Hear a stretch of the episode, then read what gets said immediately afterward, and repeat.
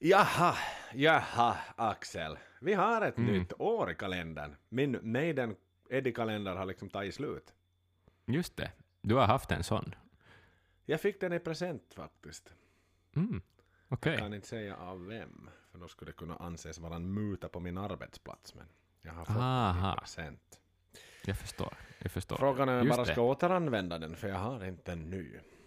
Nej.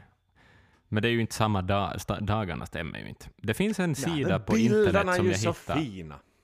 Ja, jag hittade någonstans någon Wikipedia-artikel eller något över liksom vilka kalendrar från förr man kan återanvända idag.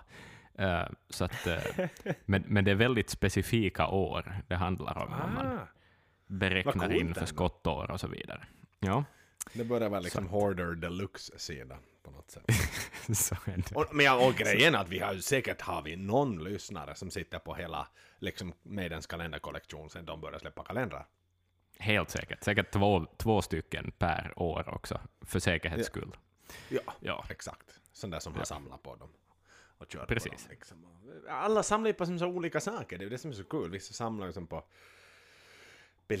biljetter och andra samlar på, på patchar. Och, alltså man kan ju ha väldigt sån här specifika och, och inte den här galningen som samlar på Bruce Dickinson-biografier med olika, vad heter de, ESBN-koder? Precis, just det. Alla utgåvor som bara skulle finnas på något vis. ja. ES med den där Och inte bara, koden inte bara det, utan också enligt typ tryckeri på något, något sånt där jättenördigt. Ja. Mm. Nej, skattekoder och annat sånt. Ja, nej, det finns... eh, Jag, jag träffade en gubbe en gång som samlade alla Rolling Stones-skivor som någonsin var utgivna på skivbolaget Decca. Mhm. Eh, och han var också sådär att han skulle ha liksom med varje skattekod. Som, alltså vet du att det var olika enligt någonting, någonting, någonting. Han förklarade någonting som inte egentligen var himla intressant, men mycket nördigt.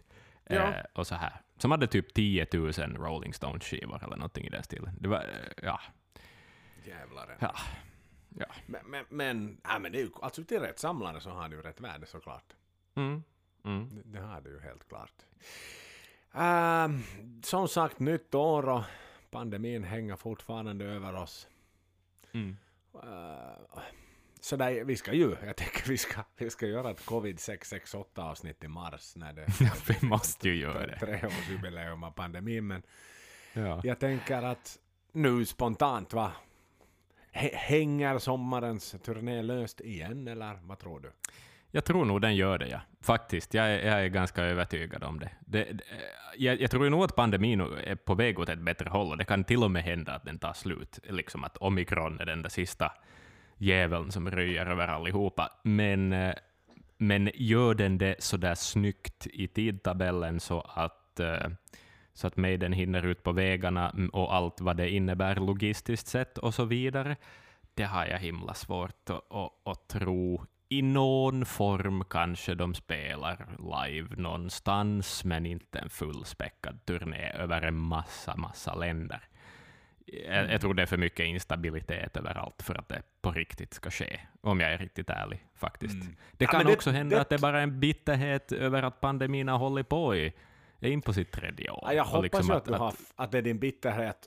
Och, men det tror jag ju faktiskt kan finnas en sannolikhet i att man får helt enkelt droppa vissa datum. För ta nu, Mm. nu har de ju lagt till Balkan bland annat. eh, Split vill jag minnas som de typ kickar igång hela skiten på. Och det är nu inte Mm. där har man liksom, det är ju väldigt få som är vaccinerade just i, i många av de Precis, Bulga- ja, i om öst- Bulgarien östra. och sånt här, öst, östra Europa, så hade de ju Ja. satt till många datum och där är ju också vaccinationsgraden väldigt låg. Så det kan ju då möjligtvis också påverka att de liksom helt enkelt ditchar de datumen och i så fall åker. Mm. Säg att de nu till och med, alltså säg nu att sam, no, det kräver ju att samhället lokalt ska vara öppet i landet de spelar i, men att de kanske till och med själv har någon sån här policy att är det under whatever 70% vaccinationsgrad så spelar vi inte där, för de är ju också som sagt i riskgrupp och utsätter ju sig själv, givetvis och alla sina roadies och sådär för en viss fara i alla fall genom att åka runt och ja, flänga. Så att, men ja, men, men nu orkar jag faktiskt inte mer med ett fucking uppskjutet Legacy of the Beast still. Det, det.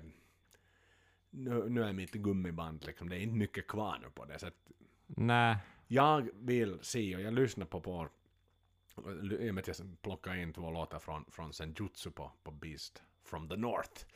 Mm. så lyssnade jag lite på den där skivan. Jag tycker den är bra, skivan och skivan, Mm. spellistan. Vi, vi kallar det skiva, trippelvinyl. Precis, Och- vår best just- of the best. Exakt. Ja, och även om liksom ljudet suger på, på Days of the Dead, heter den väl, Mexiko, senaste liveupptagningen. Så ändå bara just liksom när, det smattrar igång Eagles Dare till exempel som vi har med på vår spellista. Liksom, åh, jag kan inte, jag orkar nu inte vänta igen. En gång till. Nej. Men det är inte som att jag är otålig heller. Jag har bara blivit liksom så otroligt passiviserad överhuvudtaget. Så jag, jag bryr som inte mig riktigt. Vet du, att, att det som... Jag har förbrukat mitt hopp, vet du. Ja men du, På något vis också. Satan, vi är båda gubbarna liksom i våra 30 år. Ska vi liksom redan börja på något sätt plocka ur allt och sitta i någon jävla gungstol med satans yllefilt på oss liksom och Mm. bara prata om den tiden vi gick på konsert. Det, det är jag inte fan redo för liksom. Nej, nej, nej inte jag heller. Absolut inte. Men, men, det, är ju, men det, är bara så, det är bara så jävla utdraget. Det är ju bara det. Nå det är ju det, det är ju det ja. Men, men nu, nu får det fan vara nog. Det har liksom tagit så mycket av våra liv redan den här pissen liksom och, och skiten. Så Ja. nu får det fan liksom. Nu ska det med besked tillbaks till hur det var förr med konserter och så vidare. Liksom, jag vill stå och vara svettig med en massa andra svarta t-skjortor. Svettig och skrika och svettas och spotta i mun på en massa andra människor. det vill jag göra. exakt. liksom. Luftburet skit som flyger där för att vi skriker så Exakt. mycket. Liksom. Det är det, det jag Ja. vill ha. Det där är lite, jag har en sån här föravsnittsgrej här som jag tänkte skulle ta. Jag tänkte så här, jag har inte gjort något desto mera efterforskningar men jag tänker vi kan diskutera det lite grann. Jag tänker på alla artister som covid hindrade och som aldrig blev något mer av. Och du tänker egentligen så här dels i, i två batchar. Mm. Vi har de som kanske var on the verge att break och det de hade behövt hade varit en world tour. Ja. Sådär lite som att Maiden behöver vara ute på, på, på vägen för att sälja album. Nu är det kanske inte egentligen i dagens digitala värld riktigt så, men det kanske inte alltid bara räcker med Instagram-videon. Att du har sådana massa band som kanske hade lyckats. Och sen, sen de här gamla stofilerna som kanske inte får uppträda mer. Och jag tänker kanske så här som ett exempel Ozzy Osbourne som ju Ja. sköt upp sin turné redan innan pandemin på grund av något Mm. hälsoproblem. Liksom att, är det så där att hmm, vad tror vi om det där att liksom döden för många alldeles för tidigt tekniskt sett? Ja. Helt säkert ligger det någonting i vad du säger, eh, tror jag. Tänk vad mycket som hinner hända slumpmässigt under eh, en pandemi. Som, vet du, någon hamnar och flyttar för att jobbet tar slut och bla bla bla. En massa saker som upphör.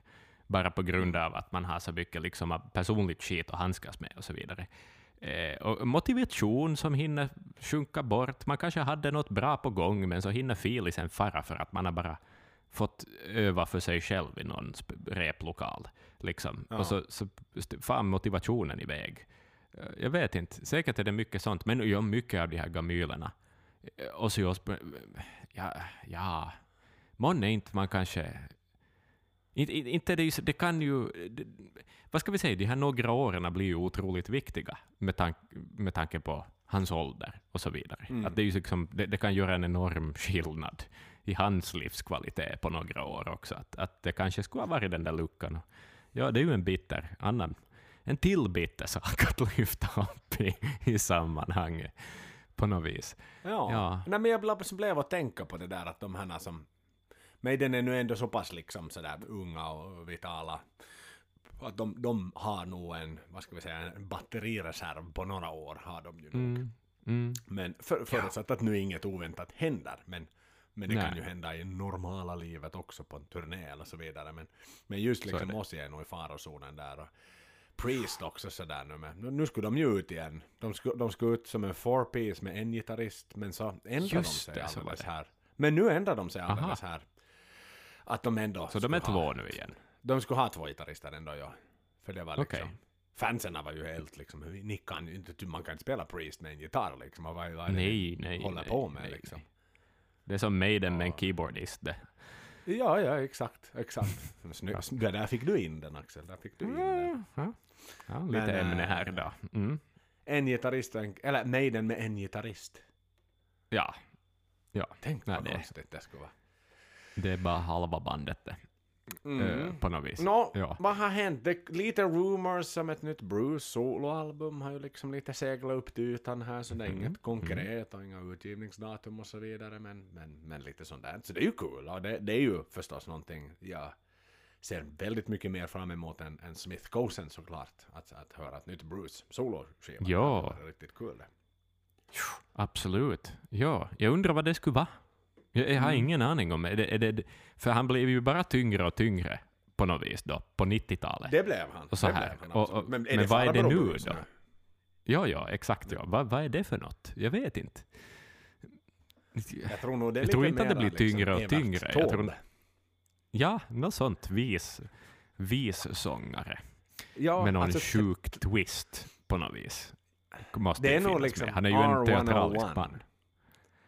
Ja, Ja, ja. eller någon sån här How to fly a Cessna är en sjungen variant. Han läser liksom handboken för en Cessna typ. Exakt. First you pull the lever. Han har ju börjat podda också tydligen då. Jag har inte lyssnat har på podden faktiskt ännu. Eh, Så att, eh, kanske han plockar lite inspiration därifrån, kombinerar det med musiken, liksom gör någon sorts, vet du, Ja, som en musikal, jag- jag- fast? Instruktionsbok. Psy- psy- Psycho Schizo Espresso tror jag den heter. Jag har lyssnat på de avsnitt som har, som har givits ut. Han har ju Ja. inte en väldigt tung roll, Bruce, där. Han är nog en bisittare. Det är en annan, om han nu är psykolog eller någonting då. För Mm. de avhandlar liksom olika psykologiska aspekter. Varför blir det så? Varför blir det så? Och sådär. Ah, den, är ganska okej. sådär, alltså hu- humoristisk nog, såhär brittisk torr humor liksom. Och, och de har med Mm. sig lite gäster i varje avsnitt och sådär. Att, eh, men det är definitivt inte liksom Bruce som är hosten, utan han är nog mer en sån här eh, co-host som, som sitter Ja, ja, okej. Det som däremot eh, tycker jag är så spännande Mm. i just den podden är att de har ett Patreon. Och Bruce har liksom ett så här förinbandat segment som kommer någon gång i mitten av avsnitten när han berättar att om man tycker mycket om dem så ska man gå in och bli en Patreon. Men det tycker jag är så Mm. spännande. Att Bruce varför har de... Patreons. Ja. Ja. Va, mm. För, för Vill Bruce ha en skull? en dollars prenumerant? Alltså jag tycker det är så Ja, fantastiskt exakt. kul. Och hur glad liksom. är Hur delar de det? ja, och hur delar de upp Ja. de där pengarna? Han och Ja. psykologen. Jag förstår väl att psykologen kanske har lite större behov av deg, men, men sådär Hej, nu har vi fått 20 dollar! Vi har fått 20 prenumeranter exakt. här varje månad. Woho! Men har de det då bara för att ha det, eller vet du, för att det hör till att poddar, man ska, vet du, precis som en youtuber ska säga like and subscribe, så ska en poddare säga följ oss på Pat- eller bli en Patreon, liksom, på något vis. Att är det mera den Ja. grejen, eller är det... ehm, ja, det är Ja, fan men det är ju frågan monetärt, herregud. För jag menar, vi har ju, är ju ändå många poddar jag lyssnar på som sådär aktivt inte håller på med Patreon. Så när vi nu ändå är inne Mm. på det där så har vi ju slutat vår Patreon för över ett år sedan för er som ännu tror att ni kan gå in och kanske hoppar och lyssnar in, icke i realtid. Så, så det, det, den är liksom nedstängd, den Patreon-sidan. Men Mm. eh, jag förstår mig inte på det där. Eller, eller ser han den som en reell intäktskälla, Bruce? Podden Ja, att nu, nu jävlar har vi chans att få in det jag inte tjänar under pandemin på något vis. I den här konstiga liksom, köksbordspsykologipodden. Exakt, för den är ju inte som att, Ja. jag menar det är ju inte som, och jag lyssnar ju på den av en enda anledning för att göra Ja. research till mig den podden och för att höra de där anekdoterna som aldrig blev sagda. Mm. Det är ju bara där. Jag, jag, egentligen så vill jag inte ens lyssna på den där andra gubben, utan jag vill ju bara lyssna på Bruce. Och så vill jag att han ska säga någonting, att ja men då 87, så vet du vad som hände då? Då stal jag och Mm. Adrian en bil, en Jeep Cher- Cherokee, och så körde vi ner för ett stup och så hoppade vi ut från fönstren och simma i Indiska oceanen. Och Rob Precis. tystade ner det mot pressen. Men, men liksom, det har inte kommit något sånt ännu. Men, men liksom jag Nej. vill ju ha det där, som inte står i hans bok, som, som bara råkar ramla ut ur hans mun när han blir lite Ja. för ivrig. Men, men han är ganska städad och sofistikerad i alla fall. Okej, okej. Får Ja, ja, så Maiden är inte liksom alls ett ämne. där. Nej, det, det är nej, inte heller tanken alls, på något vis. Såklart, Nej. han är, ju, nej, han är ju där i egenskap förstås av nu, nu mestadels för att han är en kändis och en frontman och så vidare, men, Mm. men han är ju inte där liksom för att prata Maiden-anekdoter, utan lite får man väl lära sig om hans privatliv. Han är ju med då i någon sån här alumniförening för, för RAF, alltså Royal Air Force liksom. Ja, ja, ja, okej, just det. Eh, Sådär. Och då är han ju mera med för en, som en dörröppnare där, liksom, som Mm. försvaret inte har access till, så kan han i form av att han är en kändis då liksom öppna vissa dörrar och förverkliga vissa ting. Men, men, eh, men inte sådär att eh, det är inte liksom Bruce från Iron Maiden som är liksom påad hela tiden inför varje avsnitt, utan, utan och den, i och för sig, ja, den promotades ju med dens officiella kanaler liksom, och görs ju ännu Mm. idag sådär. Varenda gång det kommer ett nytt avsnitt så får han gratis access av Maidens x antal miljoner liksom followers på, på social media. Mm. Så det är klart att liksom, wow. Eh, Det är inte så dumt om man startar en liten Men det är så omotiverande för den där andra människan att vara liksom så här, se hur mycket lyssnare vi har, vilken kul psykologipodd vi har. Men sen är ju liksom Mm. 80 procent av de som lyssnar, åtminstone, säkert 95 procent, är där för att kanske just för dig, som dig, kanske höra något om en Jeep Cherokee 87 som flyger ut i Stilla havet. Men, men det händer liksom inte. Men, men tänk så omotiverande ändå på något vis. Eller, Jo, jag tror inte att vet det är liksom så många första års psykologistudenter som använder den som någon slags liksom handbok för att liksom lära Nej. sig grunderna i, i, i mänskligt beteende. Utan det, det Nej. känns ju som att det är Maiden-fans som lyssnar på den och så vidare. Ja, ja. Och det är väl det som är anledningen till Patreons också kanske. För jag menar, hade det där varit en vanlig, jag menar hur många psykologipoddar finns det inte där ute? Det måste ju finnas tusentals såklart på alla olika ja. Så det är klart, då hade det varit kärvare att få sina Patreons. Men, men är det där Mm. ett... Om vi nu... det, det finns en anledning att jag drar på att det vi pratar om, det vi ska prata om. Men vi kanske kommer dit, jag vill prata om allt annat istället. Men om vi säger så här. eh, det, kan det vara en stopper, det där? Det vill säga, jag menar, oss stöder, vi, vi hade en del Patreons, men, men det, var- det, Mm. det var Axel och Joel och vi finansierar allt på egen hand och betalar våra plattformar och eh, Mm. liksom allt är ur egen ficka så att säga. Men Precis. samtidigt vet alla att Bruce är svinrik. Så är det sådär Ja. att nå, jag, jag tror att jag kan lyssna på den här utan att stödja på Patreon och ändå sova gott på natten. Att det, det sen igen lite sådär, blir det lite kiss över det där att man ska monetisa på allting. Ja, ja, så skamlöst liksom. På, på något vis. För han skulle ju verkligen inte behöva det. Men kanske det är liksom för att kompensera för vet du, att han ändå lägger tid på att ta sig dit, sitta ner, prata, ha en plan. De ska ge ut vet du, avsnitt så och så ofta. Eh, nu är det ju ändå något han behöver gå omkring och tänka på. Och kanske han tänker att han är en man av den rangen, att han då kan tänka att han lite ens ska ekonomiskt kompenseras för sin tid. På något Möjligtvis. vis. Ja, Ja. men inte vet jag. Sannolikheten. Men samtidigt så kör han väl säkert precis som jag och du hemifrån. Och Mm. har fått en Helt mikrofon. Och han har fått en tillskickad till sig kan jag lova. Han har inte varit in, in på Toman som jag och du och köpt våra mikrofoner och ljudkort. utan Det är sån hux flux så ligger den bara där i ett paket och så ringer han någon IT-kille som kopplar in den i hans laptop också. Så han behöver inte ens göra det. Mm. Definitivt, definitivt. Sen eh, Ja. sista liten, en sista liten sak innan vi hoppar in i, i dagens tema då. Eh, Ja. förra avsnittet var ju mastodontavsnittet genom tiderna. Um, Mm. har, du, har du lyssnat på det? Jag har faktiskt gjort, jag har lyssnat lite grann. Jag har lyssnat nog en två timmar tror jag nog jag har. Jag nej, men kanske till och med lite, men jag har hoppat lite. Kanske Mm. sådär. Nu, nu hoppar jag över lite grejer, men lite se att jag sådär, vad sa jag nu om de där låtarna och så vidare. Uh, varit nyfiken på, men, men ganska mycket nog. Eh, och, och det är ju him, tydligen då faktiskt ganska många som har lyssnat, tugga igenom alla de där jävla sju timmarna. Ja. Nästan sju timmarna. Siffrorna men- talar men- sitt tydliga språk där. det, vilket ju är alltså helt otroligt och jag, jag kan inte riktigt begripa varför. Ja, alltså jag är ju bara stolt och tacksam förstås. Inte kan man ju vara något annat. Vi, vi riktar ett stort tack till er som har tagit er igenom Ja. senjutsu och er som kanske ännu är på väg att hålla på, för det, det tar sin stund. Och, men men Mm. å andra sidan alltså, när det kommer till nördpoddar, nu, vill jag inte kalla oss en Mm. nördpodd för att eh, Nå, nu är vi ju det. Ja, men jag vill inte göra det. Jag vet att vi har tidigare fått epitetet nördpodd, men i och med att jag inte är den där hoardern som äger en massa Maiden-saker. Och, alltså jag, jag har ju ett liv utanför Maiden, ett stort liv utanför Maiden Ja. också. Och eh, kan tänka. tänka självständigt så att säga. Men, Ja. och den här podden har ju varit en lärorik resa på något sätt sådär. Att, och det Mm. har ju varit ut med från start att vi lär oss om Maiden tillsammans så att säga. Så att på Ja. det sättet så är det ju skitkul liksom att, att folk ändå sätter så pass mycket tid för att verkligen liksom lyssna på vad vi har att säga. Och mycket är ju om musiken in, såklart och vad vi anser. Så är det. Och det får jag säga, det, det är det som har hänt åt mig i alla fall sen, sen avsnittets gång. För, för just um, Death of the Celts var väl en låt som jag...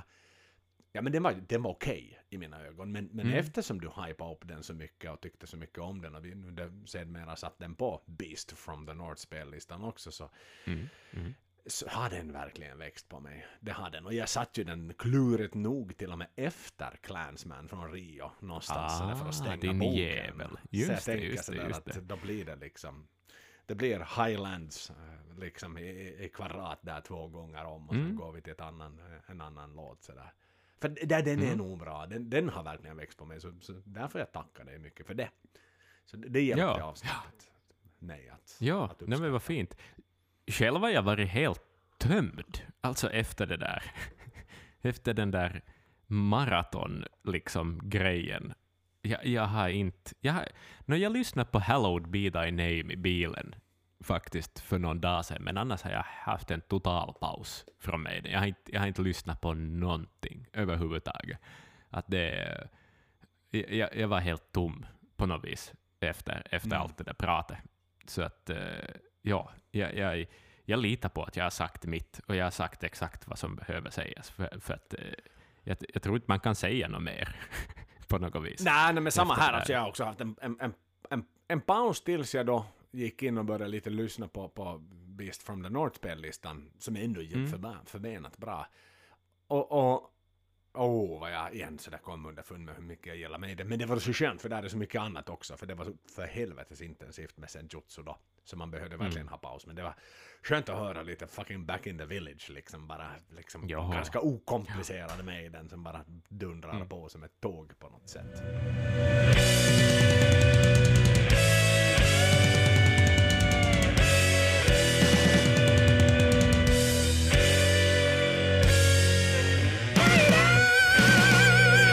Bonus. Men hör du, nu har vi liksom tassat, tassat, tassat. Det finns kanske en liten anledning till att vi tassar som katten runt het gröt. Och det, det har ju att göra med att vi, jag får nästan säga tyvärr nog öppnade en dörr för ett år sedan och skulle börja prata om de här gamla stofilerna i det här gamla Ja. trädet. För jag menar, tittar vi till det här Maiden-trädet från att Maiden formades as we know it från första skivan så, så är det ju som så massivt det där trädet innan dess. Och, och Maiden Ja. hade 170 gitarrister och 56 olika någonting och någonting och Ja. någonting och någonting och någonting. Ja. Och, det, och så gick vi Ja. liksom och "Nej, men nu ska vi börja prata om, och så tog vi tre av de gubbarna då. Och det är så satans många kvar. Och nu ska Jo, vi jo, liksom vi, idag... öppnar, vi öppnar liksom fan, alltså, vi, vad heter, vad är det man talar om? Man öppnar någon Pandoras ask. ask. Pandoras ask, ja, det, det var det vi gjorde. Och jag, ång- jag är så jävla besviken på Maiden att de inte kunde ha en start så det som Metallica. De träffades Ja. i high school, började spela, kicka en gitarrist och, och så här. Ja. Punkt slut. Där är Metallica format. Liksom. Men, men, men Steve ha, hade andra eh, Andra Ja, ambitioner. nå, Nej men det är ju universum gå, ställde till det för honom. det är ju det är satan som att gå igenom Vasas stadsorkester från 1962. liksom, det har suttit några filurer på valthornet liksom fram tills idag. Ja, vad har de gjort sen? Ja, exakt. Ja, ja, exakt. Så, ja, han, han sen slutade och började jobba i City Ja. Market-kassan och liksom...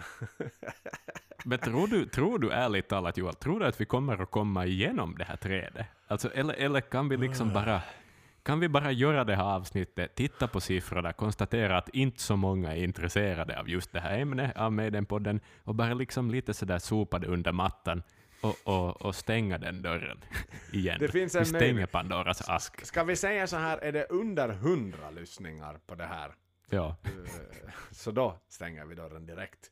Men är det Ja. 101 så, får vi nog hitta Mm. några fler och, och köra ett till. Men vi ska säga, vi har ingen Irvin med oss som någonstans är den globala fanbäraren för Maiden pre-77. Liksom. Det var, Mm. han, han, han brinner för allt som hände i Maiden innan 77. så, Ja, och känner exakt. alla och har gjort avhandlingar om dem. Utan nu är det bara jag och du Axel som någonstans seglar på internets eh, vägar. Vi har fem Är vi kanske de enda ska- som snackar om det här på svenska? Det kan riktigt bra hända. Nå, det kan jag nog satan lova dig att vi är. Det, det Mm. kan jag faktiskt lova dig att det är våra, våra vänner som i och för sig talar engelska i, i, Maiden A till Z kommer nog. Jag lyfter på hatten om de tar sig Mm. an det här med mer, vad ska vi säga, mer allvarsamt än vad vi gör. Men vi har några gubbar vi ska igenom idag och det, jag Japp. kan nu förstås ta dem i någon typ av ordning här. Det är fem faktiskt, så det är ganska många. Dennis Wilcock, han var ju sångare nummer två i Maiden. Och sen är det ju eh, oh, Tony Moore, han som Maidens keyboardist, Mm. som vi ska prata lite om. Sen har vi ju Ron Matthews, eller Ron Exakt, the Ron Rebel, Rebel. Som han Mm. också går under namnet. Sen har vi en till trummis faktiskt, Barry Graham Perkins, a.k.a. vadå Axel? Thunderstick. Oh yeah! Och sist men inte minst en gitarrist som faktiskt icke är krediterad men spelade på Soundhouse Tapes, nämligen Paul Keynes. Som tillsammans med sin hund var med och spelade Just där. det.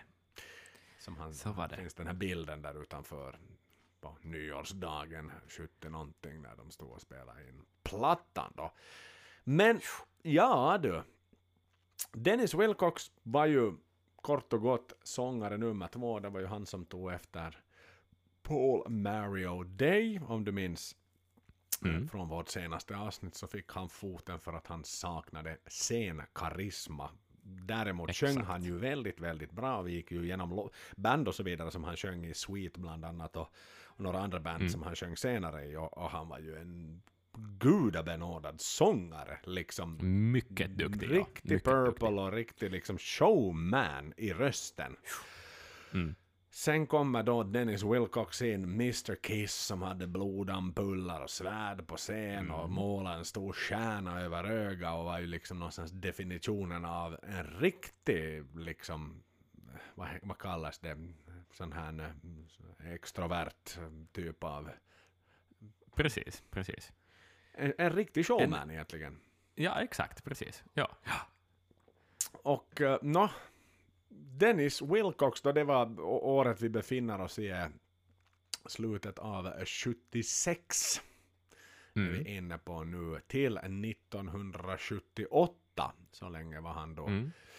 sångare i Maiden och eh, ja, Han ska- hann ju vara med faktiskt under ganska, under säkert två uppsättningar, kanske till och med tre. Ja, alltså så här är det ju att i, i, i det där trädet då, som är vår liksom någonstans, jag kallar det här till rötterna av trädet, för det är liksom, eh, trädet började blomma först när de gav ut första skivan, och det var då trädet, Ja. då egentligen, det var några grenar som byttes ut såklart. men- Det var då trädet blev offentligt. För, för, Nej, men- för men andra som vandrar omkring i skogen och ser det. Liksom. Exakt, exakt. Det var då det började liksom växa ur marken. Så att säga. Men Ja. nu är det ju fortfarande, vi är ju inne i de här rotsystemet liksom ner i skogsmarken här och så vidare och, och ha sig. Och, och ehm, han är ju också välkänd på det sättet att han tillsammans med den här andra gitarristen som är satan inte minns, visst han hette Bob Sawyer. Wap- Waprem. Nej, Bob, Bob Sawyer, Sawyer, som ju var en sån här riktig bully i Maiden. Så han och Bob Sawyer sparkade ju Dave Murray. Mm. Det var ju liksom de just som det. är liksom, det är väl det han kanske är mest känd för i Maiden, att han, han gav Dave Murray foten och Dave Murray då sedermera började spela med sin kompis Adrian i, i Urchin. I sin tur då, eh, innan han då såklart sen kom tillbaks till Maiden. Men, men det är väl det han är mest känd för. Och va, kan vi nog annat riktigt säga, han var ju han har ju varit en sån här skurk på det sättet att han var ju inte den enda som har... eh, Ska vi säga, Maiden har blivit stämd två gånger i, i, Ja. i rätten. Och en gång var ju faktiskt av Dennis Wilcox då, för Dennis Wilcox påstår att han har skrivit några av orden som användes i följande låtar. Phantom of the Opera, Mm. Prowler, Iron Maiden och Charlotte the Harlot. Mm.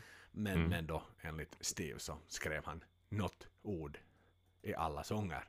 Och Precis. sån här klassiker som liksom 30 år senare, nej nu jävlar ska Ja, jag liksom vittu med Och jag, jag läste någonstans att anledningen till att det här dyker upp 30 år senare var att han liksom på något vis var så bitter då han hade fått gå då eh, 78 eller något sånt, att han inte liksom lyssnade på de där tidiga Maiden-skivorna någonsin. Och, mm. Nå, ja, man ska inte komma med antaganden och sånt, men det är ju lite det av en stretch, det? gör vi Ja. gärna den här podden. Det låter nog som en stretch, liksom, att man inte på 30 år... Vet du... Nåja, om man inte då på 30 år har haft, haft liksom ens intresse av att lyssna på vad det där bandet man en gång var med i faktiskt åstadkom, så säger det ju nog en del om ens personlighet också, gör inte? Vet du? Mm. Att, att, att då är du nog en så enormt känslomänniska, att, att du liksom är så principfast. Och, och, och så här. Och, och då i, i sin tur, om man är så principfast, förutom förstås Steve är ju pri, principfast, men jag tror inte att Maiden skulle ha orkat med en till så principfast människa i längden oavsett, och så vidare, och så vidare. Att, att, jag vet inte, han verkar ju vara en himla svår människa att samarbeta med överhuvudtaget. Eh, Sådär, eh, en bild jag får, utan liksom sådär, eh, av, av hela den här rättsharangen. Liksom. Ja, men jag håller helt och Mm. hållet med. Jag håller helt och hållet med. Ja. Men ja, det är besvärande ändå på något sätt med de här liksom gamla lawsuits som dyker upp om och om igen på något sätt. Som att det Mm. skulle vara liksom okej att, att genomgå en sån sak och tycka att det är Ja. fine. Anyway, så här tittar vi lite till hans historia då. Han, han sjöng ju innan han blev rekryterad till Maiden också. Han var med i ett band som heter Warlock. Har också sjungit i ett Mm. band som heter Tiger Lily. Sen sjöng han faktiskt i Smiler. Uh, Mm. Och uh, det minns du, det var ju Steves gamla band innan Maiden. Det var ju liksom Precis. det bandet Steve eh, spelade med i först, så att på det sättet så var det ju liksom en anledning att han då blev tillbakaplockad till Maiden, för han hade en relation med Mr. Harris där innan. Han har också varit med i ett band som heter Nitro. Och, och sen Mm. var han väldigt länge med i ett band som heter Gibraltar. Mm. Som jag har förstått att går under två olika namn. För det finns ett band Ja. som heter V1 också. Eh, och de brukar lite skrivas, de, de nämns i samma sammanhang alltid. Ja, jag tror är att de lite- måste ha bytt namn eller något sånt här. Ja, exakt. Ja. Och i det bandet var väl också då Wopram, vad han nu hette, som vi snackade om i förra installationen Ah. av det här temat, eh, tror jag var med i det också. För det, det klingar på Harry. något vis bekant. Det, ja. Eh, men det är ju ett, ett lite mindre eh, framgångsrikt hårdrocksband, kan vi väl säga, eh, som spelar på pubbar och sådär. Eh, Ja, England. oh ja, oh ja. Men de låter så här, V1, Gibraltar, det låter som så stort, magnifikt band. Jag, jag Ja. har hittat en, en, en semi-ny nu, alltså från 2017 släppte de någonting Mhm. som heter Armageddon, End of the Beginning. Och jag Just tänker det. att, Mm. eh, ja, ja, efter lite, det var inte så mycket Spotify-sökande utan YouTube går man till i sådana här gånger när man googlar efter sådana här obskyra saker. Mm. Eh, så låt oss lyssna på låten. Den enda uppladdningen som finns. Den har 359 spelningar. Lite grann kan vi ju i alla fall. Den är lång låten. 7.02. Så det är nästan lite Steve Harris längd på den. Men, men låt oss se om den håller Steve Harris kvalitet. Men i alla fall, här kommer Mm. Armageddon, End of the Beginning.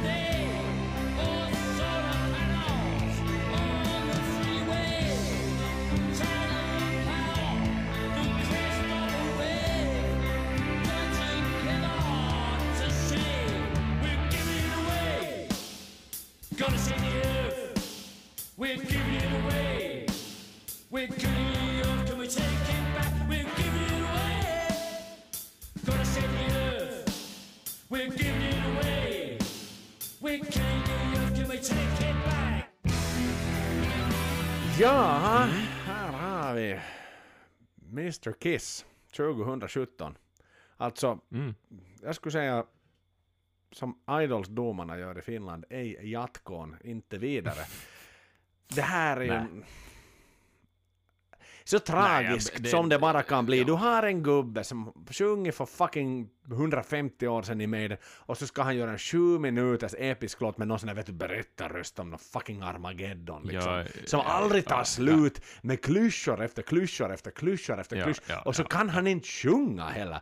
Alltså det, det är ju garageband som det bara sjunger om det där. Förlåt Ja, ja, ja. Det- här, det är liksom det, jag- det, är en hobby, det är en hobby för medelålders män i England. We're giving it away. We're giving it away.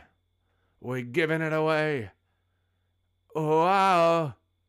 We're giving it away. Men det här är ju sån där, det finns en, en, det finns en, en, en Instagram, eh, ett Instagramkonto som heter Rigs of Dad, som jag tror jag snackade om tidigare, men som är just den här liksom hobbyband för medelålders män och så är det någon sån här liksom sarkastiska, eh, roliga bildtexter alltid. Det, det skulle kunna platsa på det kontot, liksom, hur lätt som helst. Eh, ja, nej, trött, trött musik. Men, oj. Ah. Vi, vi var ju inne på det här redan tidigare i vårt förra avsnitt, Mm. men liksom... Ja, visst, ing, ing, alla ska, musik ska byggas ut av glädje. Glädje byggas ut av musik, eller hur den nu går den där låten. Men, Mm, mm. men är det någonstans det där att liksom, ska man hålla sig kvar inom metallen då? Sådär liksom, Mm. Är de ens liksom metalheads? Utan är det nu bara det... Egentligen. Ja. ja. Ja, det är det. Lyssnar de på metal annars? Eller är det liksom bara att de är tyngda ner av sin historia och, och, och som är det enda som gör dem anmärkningsvärda, tyvärr. Mm. Och, och, och, och liksom desperat ska hålla fast vid det, för det är det enda deras personer håller för på något vis. Och jag, jag, jag, ja, Ja, det blir ju som ta Nå, fatt. ja. Det blir ju ta fatt. Ja, ja, så är det. Och det tråkiga här är ju också att det här bandet också splittrades.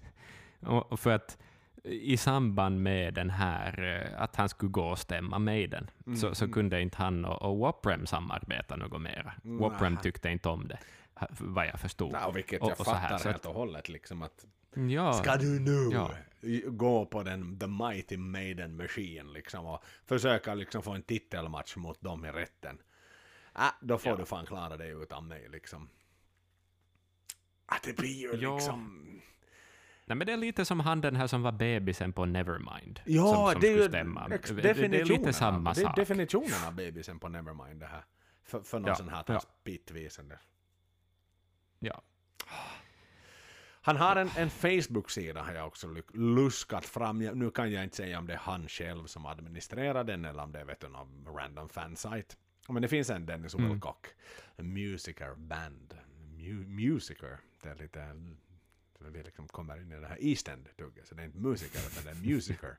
Är, ju, är du Axel en musiker eh, eller är du en teoretiker som bara jobbar på radio och pratar med folk som vet bättre saker än du?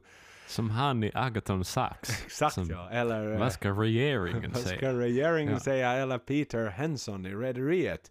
Jag är din son Exakt. Beatrice, men jag har bott i Amerika i 150 000 år före jag träffade dig. Jag ska ärva hälften av bolaget och bli verkställande direktör här. Exakt. Som ju visade sig vara en riktig conman sen. Jo, jo. Ja, ja, men det kanske Dennis Wilcox skulle kunna göra också. Ja, ja det lite Dyka upp i rederiet. Han skulle kunna vara en conman i Rederiet faktiskt. Men i alla fall, vågar du dig att gissa på hur många likes och följare han har på, på sin Facebook-sida? Dennis Wilcock. Oj, oj. Um, en tusen kan jag väl gissa på. Mm, så de, de, delar du det med 10 så är du rätt. Nej, är det sant det? Jajamän, 107 som gillar och 111 som följer. Så, hör och häpna Okej. min vän. Bilderna är ju bara de gamla, gamla svartvita bilder Mm. som Steve Lupi har tagit sannolikt. Och alla posts, den senaste den 27 oktober 2021, så är någon typ av Purgatory från 77 Rare Track Post från Youtube. Allt handlar bara om Maiden och Maiden och Maiden från 77. Just det. Gamla bilder, gamla saker, gamla allting. Ja. Det jag dock hittar på tal om 77 och Maiden, så att det finns någon sorts organisation, någon sorts fanförening som heter Maiden 77, Jajamän. som ville, som ville få till någon sorts reunion med de här som var med i Maiden 77, förutom då förstås Steve Harris och, och, vem, Murray. och vem är då, ehm, vad ska vi säga, arkitekten bakom den? Jo, inte det någon annan än Irvin Lucas. Ja, ja, ja. Just det. Vår gamla, Ja, vår vår gamla gäst. vän, vår gäst. Irvin som, Precis. som Men vad jag förstod så hände det väl riktigt aldrig. Eller så hände det en gång, eller något sånt. Ja, Men jag tror att också det lite föll. Precis, ja. I och med att ja, Burfest är ju den här liksom återkommande mm, Goodwill-galan då förstås för Clive såklart som gick bort i Mm. i sviterna av MS i tiderna. Så att eh, då har man ju en sån här det kan vi också tycka att hela, nu är han ju med som co-organizer faktiskt, eh, Irvin, till Mm. Burfest och liksom co-skapare av den. Men, men det här är ju också lite ett sätt att någonstans, vet du, du, du använder en död före detta Maiden-medlemsnamn för att rättfärdiga att liksom flyta upp gammalt, gamla lik till ytan igen. Och det är också liksom lite sådär moraliska aspekten i det liksom. Ja, Clive kan inte säga så mycket om det mera inte, men ändå använder du det som, nej. här, som att det ska vara något jävla gott i vad du gör, men att det är igen för de här gubb, Ja. tv-spelsgubbarna liksom och plocka på sig. Ja, ja, vad den här vägen man håller en gitarr. Okej, ja, ja, okej. ja, ja. Jag har inte stämt en gitarr på 40 Ja. år, men låt oss försöka nu. Det finns ju sådana digitala Ja. saker nu för tiden som gör att ui, ui, ui, ui. Ja, exakt. Hej, på tal om Irvin Lucas, va, var han alls inne? Snackade vi alls med honom? För jag har lite vaga minnen av det här. Det var länge sedan. Mm. Vi, det är inte ofta jag tänker på de här gubbarna heller. Det är inte som att jag går omkring och liksom har lärt mig det utan till. Men talar han alls om Dennis Wilcock och, och hans bitterheter och så här? Eller liksom, har du något minne av det? Var det nu inte till och med, vem satan var det han inte fick tag i då? Var det just Dennis som, som Ja. liksom får under jorden? Det var någon av de herrarna som får helt under jorden. Eller var det, eller var det Paul Mary? Nej. Det var någon som får helt under jorden och var maybe Ja. he's in Spain eller någonting sånt här om jag nu liksom Exakt. Ja, precis. Jag har tagit helt avstånd från allting. Ja, Men Dennis det- låter det ju jag- inte som, på det sättet att om han nu Nej, om liksom han nu ändå vill stämma Maiden så låter det ju nog som att han vill... Då, då ska han ju ändå infinna sig i en Ha en court of law, kakan. så att Exakt. säga. liksom Precis. fysiskt. Om inte Ja. under pandemitider, att han kunde liksom teamsa in sig från, från någonstans i Gibraltar där han kanske sitter och trycker. Dricker Ja. en cerveza. Skitsamma hördu, Dennis, tack för, för din, ditt, din medverkan i Maiden-podden. Vi önskar dig the best Mm. of luck och, och, och prosperous living och allt vad det nu heter därefter. Sen Exakt. går vi Axel in på någon, någon Ja, något som verkligen är unikt för mig den. Tony Moore. En, en fucking Ja. keyboardist. Liksom, hör och häpna. En riktig keyboardist. Inte Steves bastekniker. Som fick komma ut under Maiden England med något mystiskt skynke på sig och få spela Nej. på Brave New World och få spela mycket på Senjutsu och så vidare. Men nu har de en riktig keyboardist.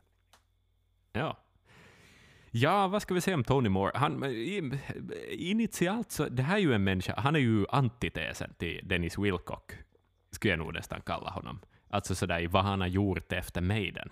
Eh, för här har vi ju nog ändå en människa som har, som har jobbat på. Eh, liksom Bruce Dickinson så är han born in 58. Han är född i, i Bristol. Eh, han var då be, Han är född på Oberömd. Bristol, eller i Bristol. i Bristol. Det finns På en... Bristol är en bar i Åbo. Där, Ja, häng, där rockare ofta hängde. Så är Exakt, du rockare exakt. och har vägarna förbi Brist, Åbo, så åk till Bristol. Mm. Det är sunkig bar, men det är liksom, den har något. Det, det är väl Den lite Åbos Cart and Horses. Jag tar jag i för mycket Ja. nu? Nej, det gör du inte. Jag skulle nog säga att det är Åbos Cart and Horses, absolut. Eh, han var alltså med då i Maiden på Kiss ett år, väl? Om, om ens. 1977 spelade han Kiss. Nej, han var inte med ett år. Han var, han var med mycket kortare period än så. Han såg någon annons någonstans och, och, och, och tog kontakt och tänkte att de här kan vi spela med. Eh, han gillar progge, Bruce gill, nej, Steve gillar prog, progge också, eh, och så vidare. Och, och, och där någonstans kom han in i bandet. Han spelade alltså bara en enda spelning med Iron Maiden på en pub som heter Bridge House. Eh, vad, han, vad han själv minns så gick den där spelningen inte särskilt bra. Eh, och, och det där, han, han övar med bandet då två gånger i veckan som de övade på den tiden. Eh, för, ännu en, en, en tid efter spelningen, men förstod lite att, att nej, han, han passar inte riktigt in hit. Och, och det här är inte riktigt kanske vad Steve är ute efter. Eh, och så här. Och, och, och så, så, så stack han väl iväg. Kanske av egen vilja, jag vet inte, eller av ett, ett gemensamt beslut. Av att det inte riktigt lyckades. Eh, på något vis. Men, men vad jag förstod så var det någon korgsynt han hade köpt som han spelade Det ska på. ju också sägas där att, att, att äh, alltså, i samband med det, det, det var ju liksom en, en sån här one night only konstellation. Det var ju Terry Rapham som spelade, liksom också slutade i samma veva då.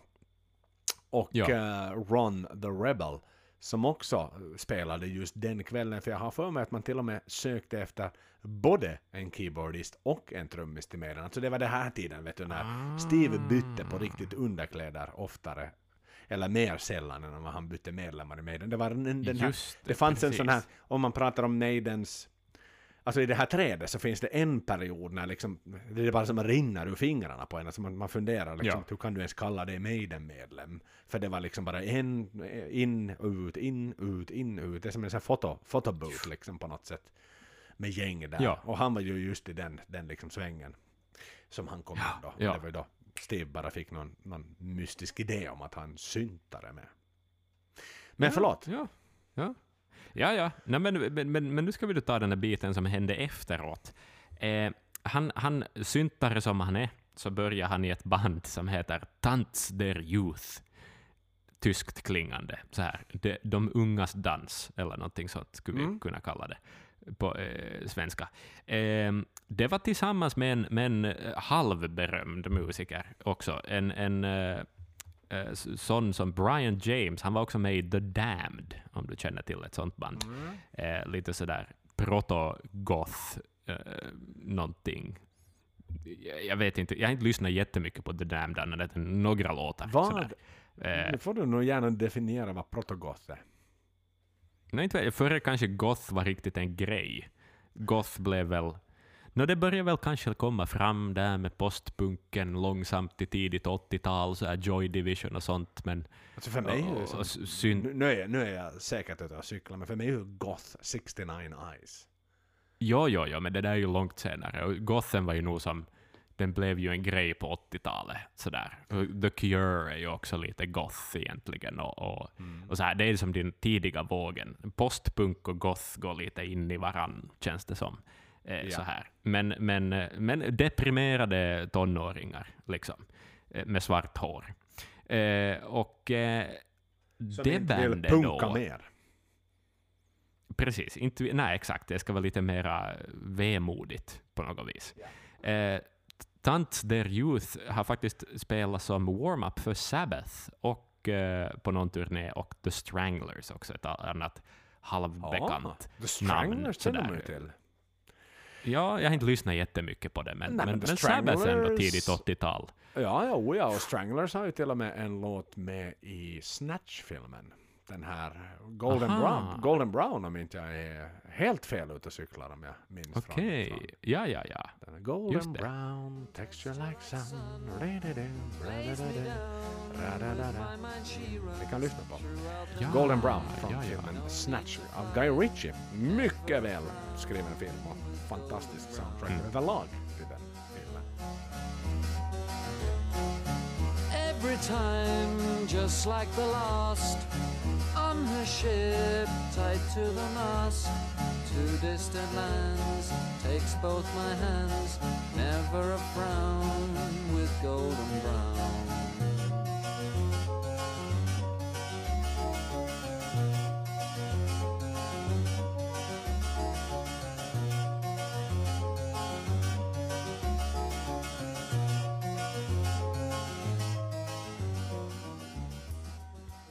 Mycket fint, mycket fint. Jepp.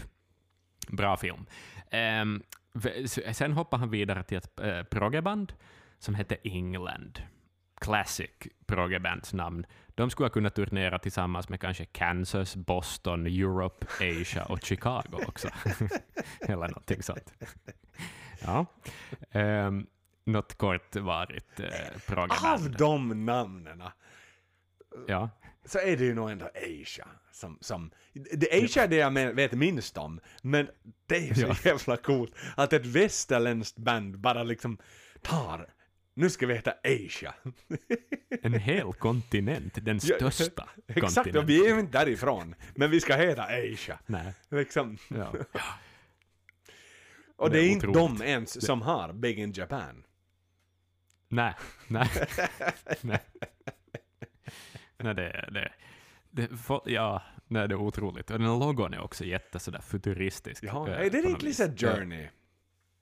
Det är lite Journey, exakt. Ja. Men det var någon supergrupp med, med massa gamla proggemusiker Mm. som, som skulle göra sån här lite Toto, vet du, musikerpop på 80-talet typ. Jajamän. Eh, Jajamän. slag. Men, eh, men ja.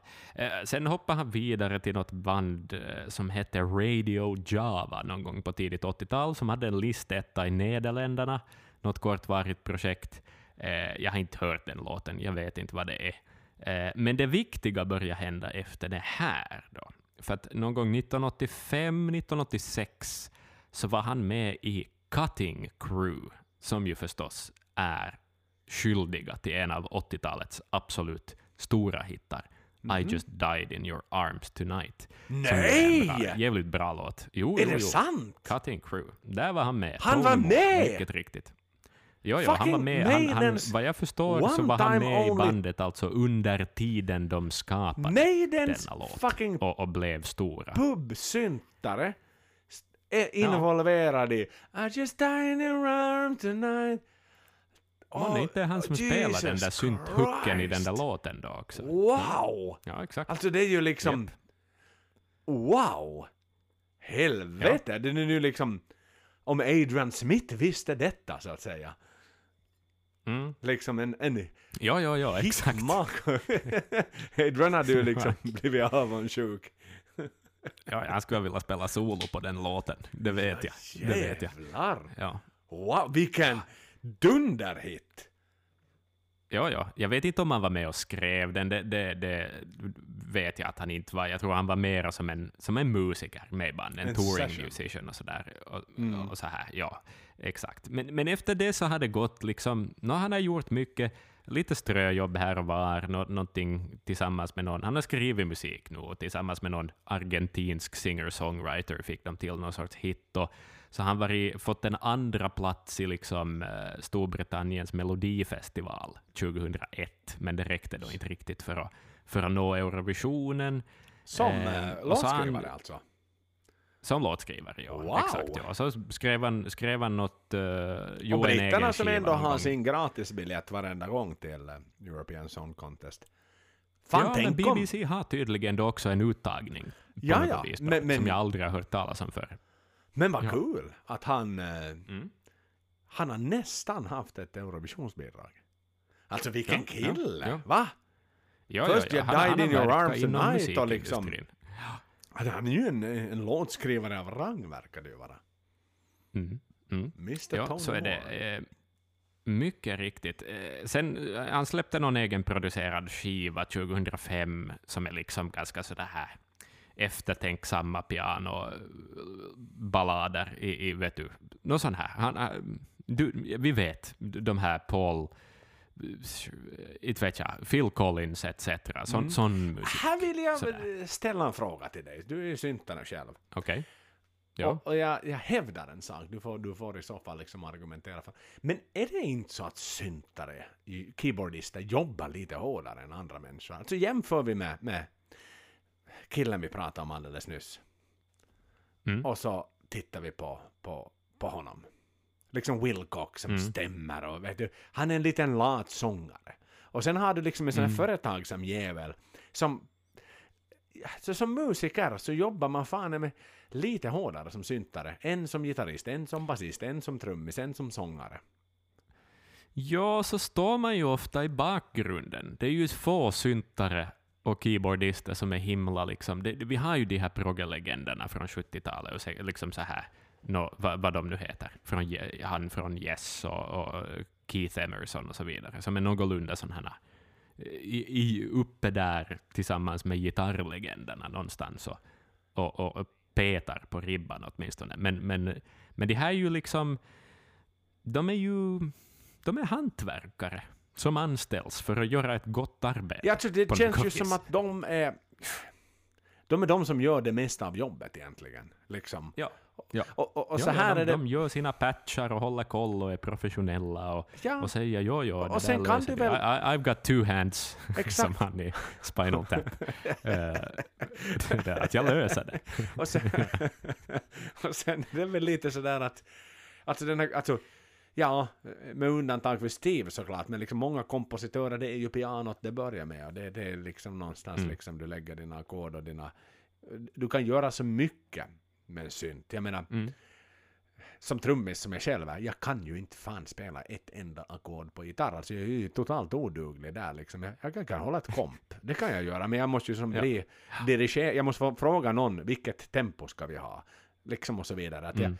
det, det är ju inte som att jag skriver en låt, utan Nej. jag, jag kan bidra Men du kan med skriva ett text kanske. trumkomp, Joel. Du kan skriva ett trumkomp. Det kan du. Nå jo, men det är ju alltid det som, liksom, det är någonstans lite sådär, det är klart, det, det är ju som att pumpa däcken. Alltså, Om alla har, så här, och Axel, du har designat en bil från start, och så, så är jag den som pumpar däcken i bilen, i din designade bil, men, Ja. men då är det inte sådär att ja, men jag var med och tog fram den där bilen. Liksom Nej, att, sant. Det är också viktigt, men det är liksom inte relevant. nej, för det finns andra som kan pumpa däcken i bilen också. Liksom, Precis. Ja. att, Ugh. Men syntare har en, överlag, liksom, det känns som att sådär multi-instrumentalist och, och liksom man har. Mm, mm. Man är mer, man är mer arbetsmyra som, som keyboardist kan jag tycka. Så är det. Och denna arbetsmyra, Tony Moore, eh, fick faktiskt en award av en eh, stor låtskrivarorganisation Oh. som heter Baska eh, år 2010 för sina bidrag till, till musiken på något vis. Men det kom, som han kanske liksom att tjäna sin, sin bread and butter på så är som promoter. För han har, han har drivit mycket klubbar, vad jag förstått ä- ägt någon sorts klubb i, i London, eller en rad olika klubbar med olika koncept. Och, och han har samarbetat med, med många artister, bland annat eh, Damien Rice, Katie Tunstall, också Fleetwood Mac och Rick Astley och en massa människor har Oh, varit och spelat på oh, oh. hans eh, liksom kvällar som han har, har varit med och bokat och, och, och haft ansvar över på det viset. Så det är nog där. Han har fortsatt att jobba i musikindustrin helt enkelt. Den här Det människan. känns ju verkligen, om vi nu bara stoppar oss till de tre herrarna vi gick igenom föregående avsnitt och hittills nu då, Mm. så är han ju absolut den som har liksom gjort mest utav livet. Ja. Ja, ja. Han är, han är en Hittills. professionell typ. Han är inte en pubrockare, utan han, han, är liksom, han jobbar med musik. Och, och så enkelt är det. Nej, han har ju inte liksom en kväll med Maiden. Mm-mm. Han Nej. hinner inte med det. Jag glömde att nämna en sak, och att han i något skede också hade, hade ett en timme långt musikprogram i veckan på en maltesisk TV-kanal som heter One TV. Så att, härligt. ja, Maltesisk television. På engelska då kan man ju på, ja, ja, ja. Det, det är ju ett väldigt Kanske. engelsktalande ö. Eh, Sådär. Så Ja. mycket Vad britter. pratar man annars där Axel? Annat än kanske maltesiska. jag, vet inte, jag vet inte om det är ett språk. Nej, jag Ja. vet inte. Men engelska är det väl nog. Jag, jag tror att det är mycket engelsk ö. Ehm, Mm. Men Mm. vad kan vi om Malta? Riktigt. Det är ju en Jag vet republik. jag vet att huvudstaden heter Valletta, tror jag. Mm. Mycket mer Ja. än det vet jag inte. Heter den så? Jag tror den heter Valletta. För jag gjorde någon sorts geografiprojekt om Malta i lågstadiet. Wow, no. Mhm. Malta Den största capital, staden tänker jag heter. St. Paul's Bay i alla fall. Men Valletta är helt korrekt. Ser du, ser du. Och officiella språk är maltesiska Maltese Sign Language. Det måste ju vara alltså, teckenspråk. Maltesiskt Ah, just det. teckenspråk. Ja, ja. Och engelska. Okej. Så att eh, frågan om det är i den ordningen att maltesiska, maltesiskt teckenspråk och engelska kommer sist. Att det är fler som talar maltesiskt teckenspråk än engelska. Det kan Eh, man Engelska, ja. ta sig Ja. en liten funderare på. Det kan Kanske det finns många. Kanske hans TV-show var på maltesiskt teckenspråk. Möjligen, eller den var så högljudd så att det blev så många hörselskadade. Precis. Så att det liksom, därför liksom se, segla upp som ett eh, större språk faktiskt. För att det var mycket gammal hårdrock och sådär. Jag menar, jag så, vi såg i musiken, minns jag, på, på högstadiet.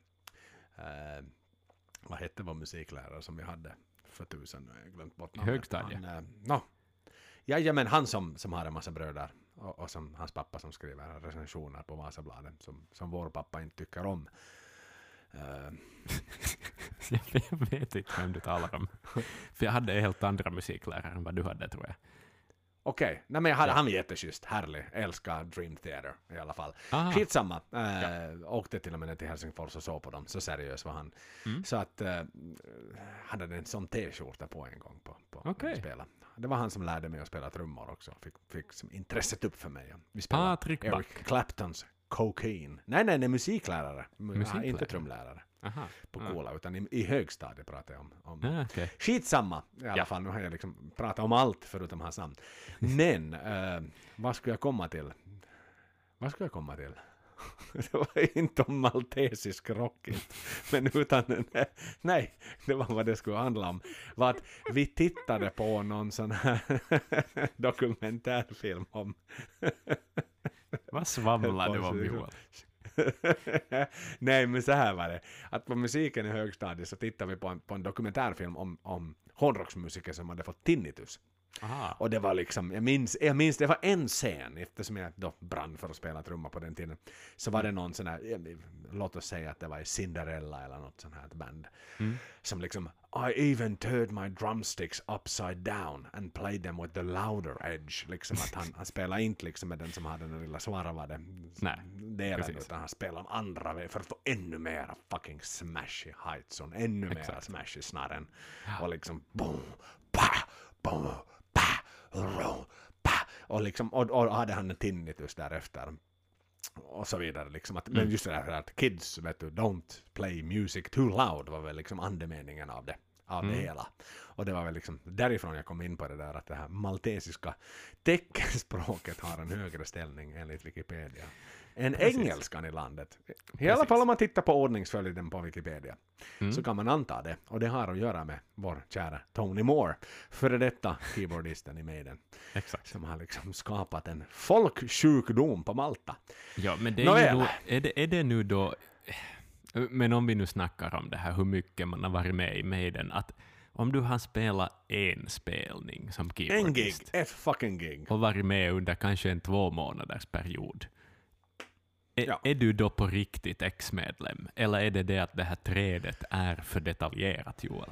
Och är det då Det är en anledning till oss att inte gå igenom hela trädet? Nej, no, faktiskt lite sant som du säger, för jag menar vi kommer in på nästa filur här. Barry Graham Perkins, Mm. som jag satt och tittade på en 30 minuters intervju alldeles här tidigare i eftermiddags på, med, med någon amerikansk extremt excentrisk youtuber s- som, som börjar gå för långt. Han skulle också ha Barry Graham Perkins att stämma med i den och han skulle, den här youtubern skulle hjälpa Barry Graham Perkins att stämma med i den. Han liksom gick helt upp i varv där. Oj, Och jag, jag, hjälp. vet- det, är lite, det var så här För cringe mycket. warning Just det. över den där. Ja. Men i alla fall, vem är då Graham? Det är Thunderstick. Och Thunderstick gjorde också ett gig i Maiden. Och eh, för att vara inne på det här, samma gig faktiskt som, som syntaren gjorde. Så, så vi är i alla fall inne i liksom sa, samma pool of sweat här. Samma pub var det ju. Det vill säga the whatever, vad var det du sa Bridge hette? House heter den. Bridge House i alla fall. Ett ke- en keikka fick han. Nu talar vi finska uttryck här, för en keikka har man. Man får ett gig. Och, och han var liksom, som Steve säger, han var jäkla bra när man praktiserade och när man övade. Och, sen så fick han då chansen att sitta live på Bridge House och, och han var liksom tappa kontrollen helt och hållet liksom. Och, han gav anledningen att, sen Steve frågade efter att liksom, hur gick det nu så här, herr Thunderstick? Mm. När han hade liksom bråkat med sin fru, eller sin, sin, sin flickvän i alla fall, och, och, och, och så vidare. Och han liksom skulle ha någon trumsolo. Aha. Och det var så förskräckligt tydligen. och eh, mitt i trumsolo så stod folk på puben och pratade, som man Mm. nu gör. När dåliga Då han spelar trumsolo. Ja. Ja, ja. Och han Mm. stoppar liksom. Han, han stannar trumsolo. Och, och Stop talking you cunts and listen to the maestro. Wow. Och Steve var liksom så generad av det här. Det var liksom riktigt jävla pinsamt. Och som för att använda Steves egna ord. Thunderstig hade två konserter på en kväll för mig. Den. Hans första och hans sista. Mm. Mm. Och Ja. tittar vi nu lite tillbaks till, till Mr. Thunderstick här då så han eh, var ju tidigare trummis såklart som nu, det är nu ingen som gör sin debut som trummis i Maiden utan man har ju varit med i någon sån här han var med i sitt band från 73 till 74 som hette Tiny and the Hot Toddies. Okej. Och eh, när jag googlade det på Youtube så fick jag upp en massa olämpliga videon, om vi säger så. Men jag hittade ingenting från Tiny and the Hot Toddies med, med Mr. Mr. Thunderstick kan jag lova dig i alla fall. Och, Mm. och eh, spelar han i någonting som hette The Primitives, ett brittiskt band som också kallades Matt Riders and the Primitives sen sedermera då. Och eh, det ska inte, vad ska vi säga, förväxlas med det mm, 80-tals engelska bandet som också hette så. Precis. Mm. Eh, han spelar ju då som sagt en konsert där, han övar och, och i den här videofilmen, videofilmen, Youtube-intervjun jag hittade med honom där så, så eh, var han, eh, det var jättemånga trummisar på kö på audition. Vilket också är Aha. jätteintressant för att Bruce, eller då, han satte ju in en ad i, i eh, Melody Maker, som den hette då, den tidens Mm. liksom, tidning, som ju var hela den här, om vi nu går tillbaka till, till vår gamla goda vän med, med Bandwagon och så vidare. Mm. Så det var ju där allt hände. Det var ju där listorna fanns och det var där Metal for Murthers och hela den grejen. Melody Maker var ju liksom sociala median i London på den tiden. För amatörmusiker. musiker band. Exakt, ja. ja. Exakt, och det var där han hittade. Men, men ändå jättespännande att när, när liksom Steve väl annonserar efter en trummis så, så, så är det liksom det är folk på kö där som vill vara Ja, med i det är nog ett jävla rykte ändå- han har skapat, men det är ju bara för att han har hunnit avverka så många så att så många har snackat om det. Vet du? Om man har hunnit Mm. spela med 50 musiker och de säger det till en vän, så är det ju 100 pers som vet om bandet redan. Och säkert är det 10 Exakt, trummisar på kö då, om, om, sådär, om det var kiva att spela med Steve på något vis. Ja. Mm. Så, men han gjorde liksom sin en, en one gig only Maiden i alla fall och sen så fick han ju jobb i Samson i sin tur då. Just det. Och, eh, men han fick faktiskt frågan att återgå till Maiden år 1980. Jaha. Vilket är lite intressant med tanke på att Steve spottade på honom. Och liksom tyckte att det var så pinsamt och allting och det var en mardröm att ha honom på scen. Mm. Så fick han frågan att återgå. Men där var det ju egentligen sen så att, att vem var det då som kom? Clive Burr såklart. Mm. För att han spelar ju då i Samson. Och om du minns här hela storyn med, jaha, vad minns vi med The Ides of March? Exakt. Och någonting som hette Thunderburst. Mm. Så där var ju hela den cirkusen sen då med att eh, han snodde Ides of March. För det var ju liksom, nu ska vi inte heller liksom, nu är det här den här tiden allt är ursel, men man spelar fortfarande låtar som finns på både Maiden 1 och Maiden 2, det vill säga debutalbumet och på Killers. Liksom, låtarna fanns ju och har spelats i fucking sen 77 liksom, och innan Killers då kom ut och så vidare. 81 måste det ju vara så.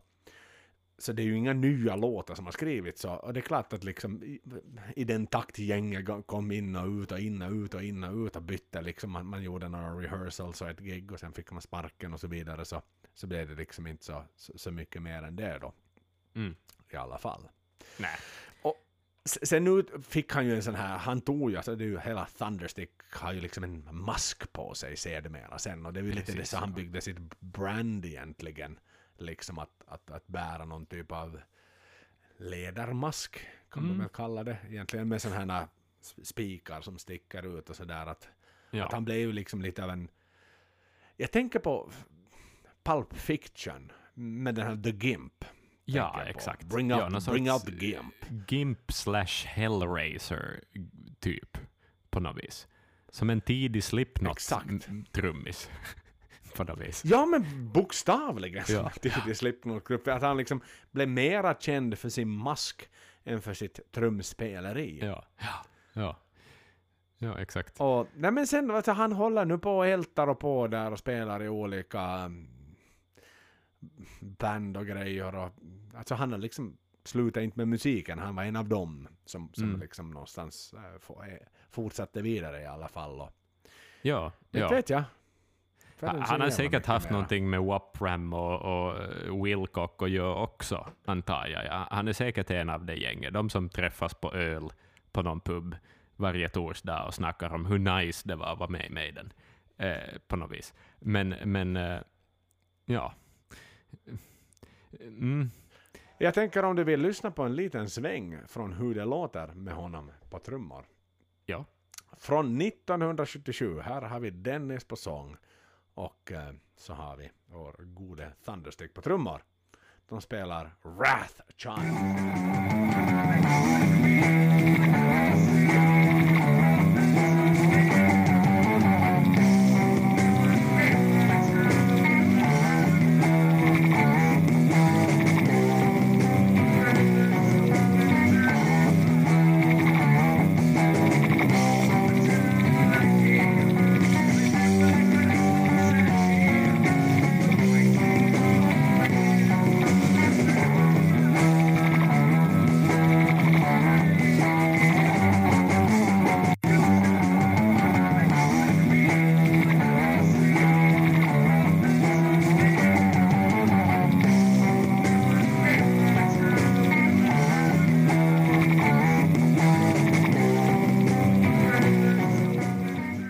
Vilka nostalgiska minnen från när man hade en bandspelare med, eller spela in med telefonen från Mm. en, du vet, träningscampa. En, en, ja.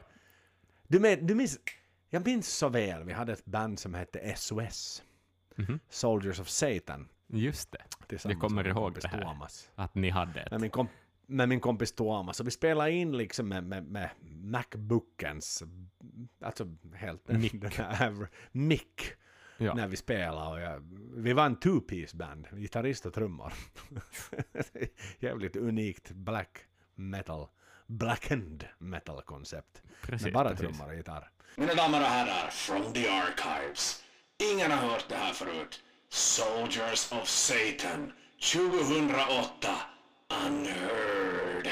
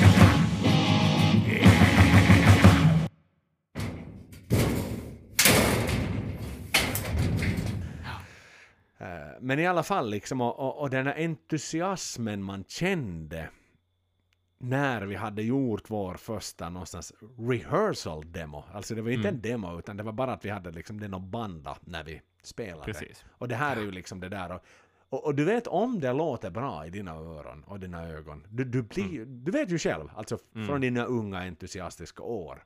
Ja, ja, ja. Ja, då det funkar. Då det var någonting. Det var musik man hade skapat. Ja, ja, ja. ja. som Det att är underbar feeling. ja. Men det var det här ju tungt liksom- tempo på den här. Liksom. Det, den är ju grym i, i liksom ett sånt här tungt gung. Ja, faktiskt. Ja, och igen så där man hör ju basen någonstans som, som, som smattrar på här och det är ju såklart liksom inte mycket har väl ändrat där kan man väl Nej. säga från, från Steve och så vidare. Han, han, idag spelar han den på Legacy of the Beast om de hade spelat Wrathchild så hade den låtit sådär. Men, men sångaren låter ju nog liksom väldigt sådär. Dennis var ju inte riktigt... Det, det, det var ju en garagebands 15-åring som har Ja. fått en mick i handen och liksom... Du kan inte spela något instrument, så du får sjung. Ja, nej men precis just det, det, det ödet. Det ödet. Ja. ja, har jag själv lite haft någon gång också som 15-åring, minns jag. Ja, Ja, exakt. Men, men du var cool. Ja exakt. Ja. Jag hade långt hår, ganska... så jag var välkommen in. Exakt, Ja. du fick vara med och sjung. Fick vara med och Precis. sjung. Men det är Thunderstick där. Ja. Har vi något mera liksom? Och... Nej, men han har väl haft just något band också under eget namn på något vis. Thunderstick som ett band och, och så här. Inte, inte himla eh, på något vis stort eller etablerat och sånt. Men sen gav mig Google också det att det finns en vibrator som heter Thunderstick. Kan jag också meddela. Det Som tror ju jag också är ett säkerligen. mycket bra namn på en vibrator. Eh, Faktiskt ja. Ja. Faktiskt, ja. Svart är Men eh, jag tror inte att den kom 77. nej, det gjorde den inte. Det gjorde den Men den har gjort att folk har kommit 2022.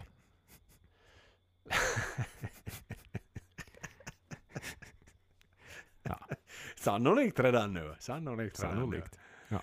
En Thunderstick i alla fall. Japp. Men i alla fall och den här liksom, ja men det var en intressant diskussion. Han, han hade i alla fall, det får jag ju ge honom, han hade ju liksom kredit långt hår ännu idag. Att han Mm. hade ju liksom inte klippt om sig och, och blivit gubbe liksom, utan han... Och han hade, det roliga var att han satt och intervjuades i en typ av en Aha. Och så gick han och hämtade massa, något sån här gammal låda med kassetter. Som Okej. han då, för att påvisa att det var hans grejer då.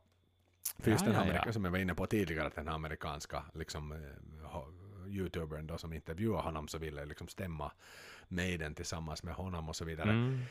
För grejen var att han ville att han skulle ge ut den där, liksom, för de har bara släppt i snippets. Eh, Liksom Mm. Den här eh, som vi spelade upp alldeles nyligen då, så är liksom bara en, en kort del som, som Thunderstick själv har släppt ut på sin Facebook-kanal som sedan har vet du, sugits upp och plockats upp och satts på YouTube och så vidare. Så, Ja, som det ja, alltid ja. blir med, med dessa fåtalet med, det är säkert Irvin som har gjort det, som har liksom Precis. lura ner den under en gång och så vidare. Och, men, men han var ganska sympatisk får jag lov att säga. Och, och han talade ganska avslappnat om hela det här med, med Thunderburst-situationen då. Att Ja, ja. hur han då det. blev inbjuden till EMI och, och där satt Rod och, och Steve, två advokater och två representanter från EMI som såg extremt bestämda ut och, och, och de liksom bara satt fram att "Hördu, här ska du skriva på några papper där det står att Steve får 50% eller hälften av låtskrivandet till Thunderburst och du är 0% av, av låtskrivandet till Ides of March. Skriv Mm. gärna på här eller så tar vi det i kort. Och han, liksom, han talar ändå någonstans väldigt avslappnat. Men vad fan, så 40 år senare igen. Att vad ska han nu liksom Ja. liva upp och sådär. Nej, nej. Nej, men det är ju bra det. Thunderstick eh, får, får eh, tummen Han får upp. godkänt i vår bok, Ja, tycker jag. Exakt. Ja. Och sen kanske till den mest sympatiska av dem alla, vill jag ändå lov att säga, förutom Tony Moore då, som, som verkligen Mm. Bosta av sig det här med att I have been a previous member of Maiden. Liksom. Ja, nej. Ja. Tony Moore är ju någonstans, han, alltså, hade jag köpt aktier i, i före detta, liksom pre-78 Maiden medlemmar så det är ju Tony Moore jag hade köpt aktier i. Men Ja. inte långt efter kommer faktiskt vår sista man för dagen, Paul Mm. Keynes. Som ju spelar gitarr från mitten av 77 till hela vägen in i 1980 då. Mm. Han i sin tur ersattes av Paul Todd och sedermera Tony Parson då. Mm. Som då och eh, han i sin tur då ersatte väl Dog Sampson. Mm. Eller hur fan det nu var. Vem spelar nu? Ja, alla Dog och hit och dit. Vem satan spelar gitarr på första skivan? Förutom Dave. Det var Doug Sampson som spelade. Det var Dog Sampson. Nej, men Dennis ja. Stratton spelade på första Dennis skivan. Stratton. Ja. Dennis På Soundhouse Dennis. Tapes spelar... Paul Keynes. Just det, Tillsammans med exakt. Dave Murray. Så var Precis. det. Men Dog Sampson är ju också en sån här som är sympatisk. Ja, han han är trummis visst. Han är är trummis, ja. Exakt. Han är trummis. Så ja. hur Han var trummis Paul på Soundhouse. Tapes. Hur fan kan Paul Keynes ersätta en trummis? det är väldigt märkligt. Det var en kort period då Maiden inte hade trummis. Ja, så sätter man en till gitarrist. I alla fall, Paul Keynes kallades Mad Mac i alla Okej. fall. Och, och eh, nej men han eh, spelar liksom bra, han är duktig gitarrist och, liksom, men han var inte en live-gitarrist. Han var liksom, inget riktigt hände och det var igen Bridge House. Sådär.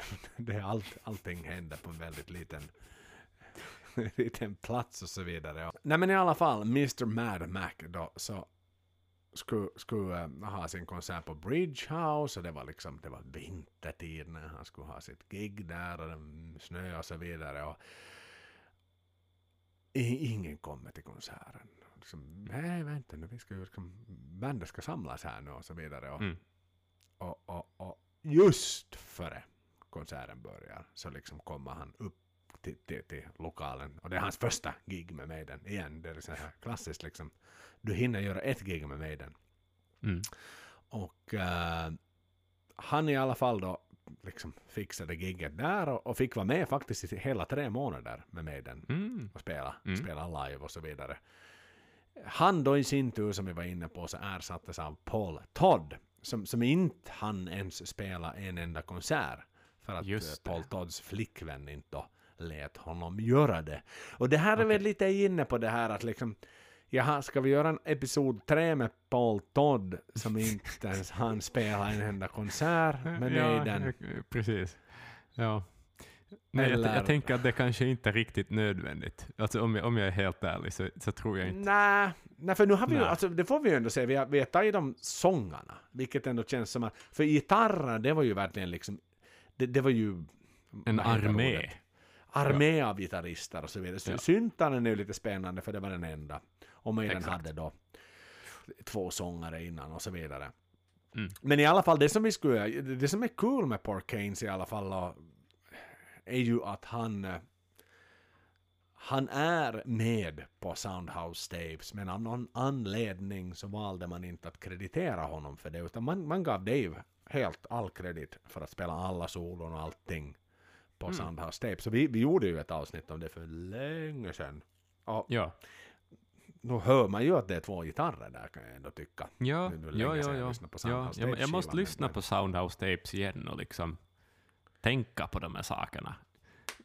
Det tycker jag. Men, men vad gör ju då Paul Keynes idag? Han, han hade något band som hette Southern Country. Okej, Och eh, jag kan tänka mig vad de spelar. det finns en hemsida för det hela. Eh, Okej. Den funkar inte så jättemycket idag. Men eh, han har i alla fall en YouTube-kanal för Southern Country Okej. som grundades 2011. Och jag tänker så här. Uh, Mm. Ge mig en sekund min kära bror så ska du få välja låt till och med. Southern Country UK har en YouTube-kanal och de har några uppladdningar. Vad säger du? Det finns att välja mellan. Don't Rock the Jukebox, Mercury Blues, Mercury Blues 2, Happy Birthday, Brown Eyed Girl och Have You Ever Seen the Rain? Jag vill höra den där Blues 2. B- Whatever Blues 2 vill jag höra. Mercury Blues 2. Ja. Då kör vi på den med Paul Keynes. Tio år sedan uppladdningen skedde.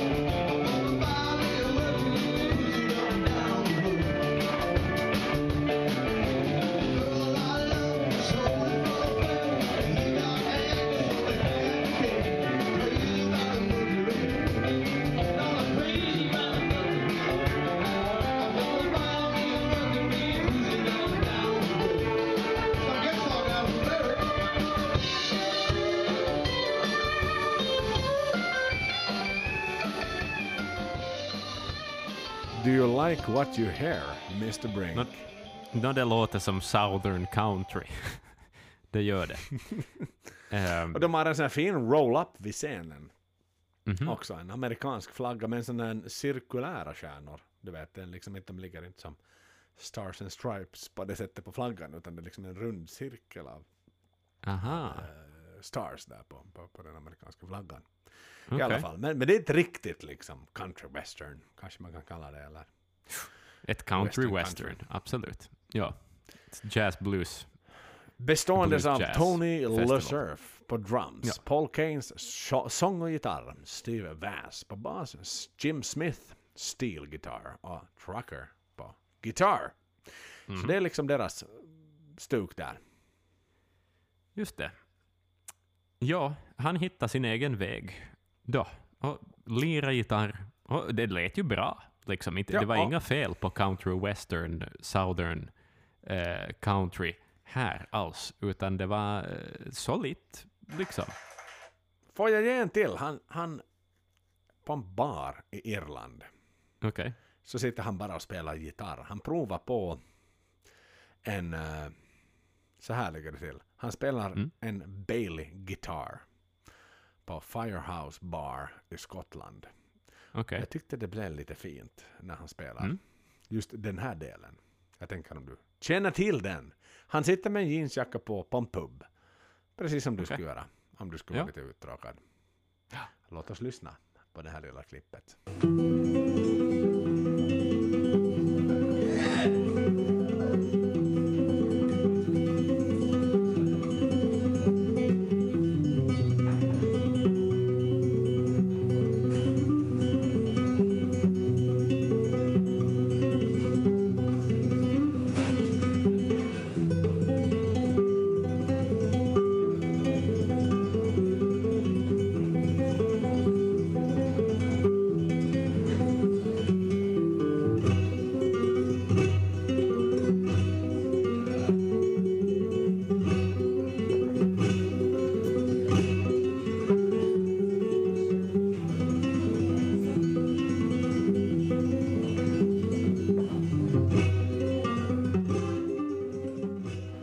Till det där? Ja, ja, ja, det låter nog bekant. Det gör det. Det är The Vad Doors. fint han spelade. Det är The Doors. Spanish Caroline. Just det, precis, just det. Han snyggt han spelade. Riktigt, Mm. akustisk inga, liksom, inga tvivel där på att han kunde det. Nej, verkligen Ser du? Ja. Han kör jättemycket YouTube, alltså han, inte YouTube, utan han, på sin Facebook. Sen när Mm. sitter hemma, sätter på, druckit en whisky för mycket och så sätter han på gitarren och så sätter han på bandningen och så gör han olika låtar för sig själv Mm. också. I dagsläget. Att det var Moody Blues verkar inte liksom riktigt ha kanske gett dem den upliften de behöver ha Nej. för att helt klara sig själv. Så att han, han är en sån här YouTuber i dagsläget. Eh, Precis. Som, som, Som gör det för sin egen skull, på något vis. Ja. Och för att liva upp livet för sina vänner. Och sådär. Han, kör, han jobbar faktiskt, ska det sägas. Han, är i, han släppte musiken. Det är en hobby för honom enbart. Han, han kör lastbil. Ja. Okej. Jag var inne på hans Facebook-sida. Men det är ju coolt om man spelar i ett country western band och, och kör lastbil. nu är det ju lite okej eh, att köra truck då. Det kan Exakt, jag säga. exakt. Eh, jag har gjort lite background study på honom. Får väl säga Mm. det som en liten polisutredning i dagsläget då. Mm. Hans livsmotto enligt Facebook är Glass definitely half full. Okej. Ser du? Och, Vad roligt för och- honom. Jobbmässigt så står det så här owner and operator på self-employed business då. Så han är uppenbarligen äger sin lilla lastbil och tutar Mm. runt där och så vidare och kör, kör last av varierande saker. Kanske Senjutsu-skivan från tryckeriet till butiker i England kan man kanske Exakt. Hoppas på i alla fall. Han har faktiskt studerat på Caterbury Christ Church University. Mhm. Så att Mm. ehm, sådär, i hårdrockssfären så är det ju inte allt för ofta folk har en akademisk examen. Det står inte vad man har nej. examen i i alla fall. Men det är I han och Janik eh, sciences. Exakt, det är han och Janik hittills som har Så är det, så är det. Gått på RAF Selector Secondary Mod Singapore. Kan det betyda Jaha. att han har bott i Singapore då? Det kan det väl riktigt bra göra. Det är inte alls omöjligt. Och sen har han Nej. gått på St. Thomas More Secondary Norwich Norfolk. Han bor, hör och häpna, i Dover. Aha, just det, i Dover. Det var någon annan som var från Dover också. Eller har jag fel? Vem var det som bodde? Tony Moore? Eh, han var från Bristol. Bristol var det. Dover, Ja. tänker. För där har vi det klassiska, e- det mytomspunna Åbo-bandet som hette... Vad fan hette Just det, eh, de som hade en låt som hette, Som hette Ben, Dover. Ja. My name is Dover. Ben Dover. Duffus X Duffus heter X. bandet. Ja. Duffus X. Mm. Det mytomspunna. Liksom, Åbos eh, verkligen eh, Spinal Tap kan man nog Ja. säga. ja, ja, ja, absolut. Och han är gift och han är hemma från Edinburgh. Det är liksom Mm. det jag har lyckats hitta på denna man. Han hade under Burfest, på tal om det Burfest då som vi var inne på, 2019 Mm. så hade de en sån här exclusive meet and greet tillsammans med Paul Mad Keynes. Då fick man sätta sig ner, man fick prata lite med honom och man fick träffa honom. Då, då Okej. tog han sin lastbil och åkte dit Mm. och snackade med den och så vidare. Men han har inte gjort, han har inte stämt med den. Nej. Han har däremot, alltså jag, det, det, jag har ett sånt minne av att jag har sett en gammal YouTube-video när han gör en egen tolkning på Wasted Years faktiskt. Aha, okej. Den kan han ju knappast claima att han också har varit och medskrivit, men Nej. Nej, men han, Han- spelar den för att det är en bra låt. en bra helt låt. enkelt. Så sitter han Ja. hemma vid datorn och spelar den. Precis. Men där står vi. Där står vi med, med, med dessa En gamla sympatisk och- avslutning här ändå. Faktiskt, Eh, För ja. det fanns en risk för att det skulle bli en massa bitterheter. Vi, men men vi, vi det, ja, en sån här positiv, positiv, vanlig människa som kan spela på en gitarr. Exakt ja, på något som vis. kunde Ja. spela. Liksom, Det är ju så ganska vi vill att de alla ska vara. Egentligen. Är inte? sympatiska farbröder. Liksom inte gå i krig med Maiden Nej. för, för 40 år gammalt skit liksom. Vad blir det av Nej. det? Va, vad hjälper det Det blir bara egentligen? pinsamt. Det blir bara pinsamt. Det, Ja. det är vad det blir. Alltså även om han skulle ha rätt så borde han förstå att, att det här är en för stor bjässe att slåss med på något vis. Du? men verkligen ja. Han och det är som sak sin... samma. Och han har en hund, bara en sån sak på, på liksom Soundhouse Tapes-tiden. Om inte jag Mm. nu minns fel från någon, för Soundhouse Tapes-avsnitten när, när de andra liksom lurade sig till att sova i... Jag vill minnas att, att de sov hos någon kvinna. Som, som ja, det gjorde Paul de. Eh, Som, liksom ja, som upp. exakt, exakt. Och så sov de på ja. golvet. Men jag tror Paul Keynes, då sov i bilen med hunden. Liksom använde Aha. hundens värme. Sådär. En sån där snusmumrik som på något vis håller sig lite för sig exakt, själv. Han är Ja. lite av en snusmumrik på något sätt. Ja. Och, och jag tycker det är lite vackert på något sätt. Att, och, och han ska minsann inte liksom ställa till med fan. Utan han är nöjd med livet. Och in, inte står han där och säger att Vet du vad, jag var faktiskt... Han, jag tror inte, han har inte ens gått ut någonsin officiellt och sagt Nej. att det är jag som Nej, spelar nej. gitarr på Soundhouse Tapes. Nej, exakt, precis. Dennis Wilcock däremot, han är ju sniff, liksom. På något Ja. vis. ja, ja, ja, ja, en riktig rat you out motherfucker, liksom en riktig sån här gris på Exakt. något sätt. Men det är det, bästa vänner, det är ett, ett, ett januari-avsnitt och det är avslaget som januari ska vara. det blir spännande igen i, i februari och mars. Och ju längre vi närmar oss sommaren. Men Axel, Mm. bara för att liksom ta, ta bollen på det du sa tidigare om att du börjar vara så bitter på att Maiden kanske inte spelar och så vidare. Men jag kräver att vi är i Göteborg. Jag kräver att vi har Ja. ett avsnitt. Ja, Och ja, jag ja. kräver att vi får träffas och att få stå och lyssna på Where Eagles There som andra låt. Ja, annars slänger vi ihop något med något uh, tributeband och något sånt. Vet du, Exakt. vi, vi löser det. Vi löser det. Vi Så- löser en så egen jävla Maiden-fest i fucking Stockholm då istället. Ja, ja, ja. Absolut. Och så bjuder vi in alla er och så annonserar vi det. Så vi får köra det som Ja. en plan B faktiskt. Ja, för vi liksom Ja. behöver ju... Vi behöver träffas och vi behöver ha kul vi utan munskydd men med vaccin och fucking liksom bara party like it's 1988. Exakt, exakt. Ja. För annars, annars är vi så illa tvungna att beta igenom alla de här gubbarna också. Ja, du, exakt. något- Ja, exakt. Ja, för de sätter väl nog liksom på hyllan. Det, det är den, liksom det där vetemjölet som inte vi vill riktigt använda. Så det är Nej, nej. Ja, ja, för jag menar om vi måste älta vidare, då får vi börja ta ett, ett avsnitt per gubbe. Ja, liksom. Ja. Det, det har jag Ja, absolut ja, ja. ingen lust att göra. Inte jag heller. Inte jag heller. Men mina vänner, som vanligt så är det Mm. upp med järnet och Puss och kram.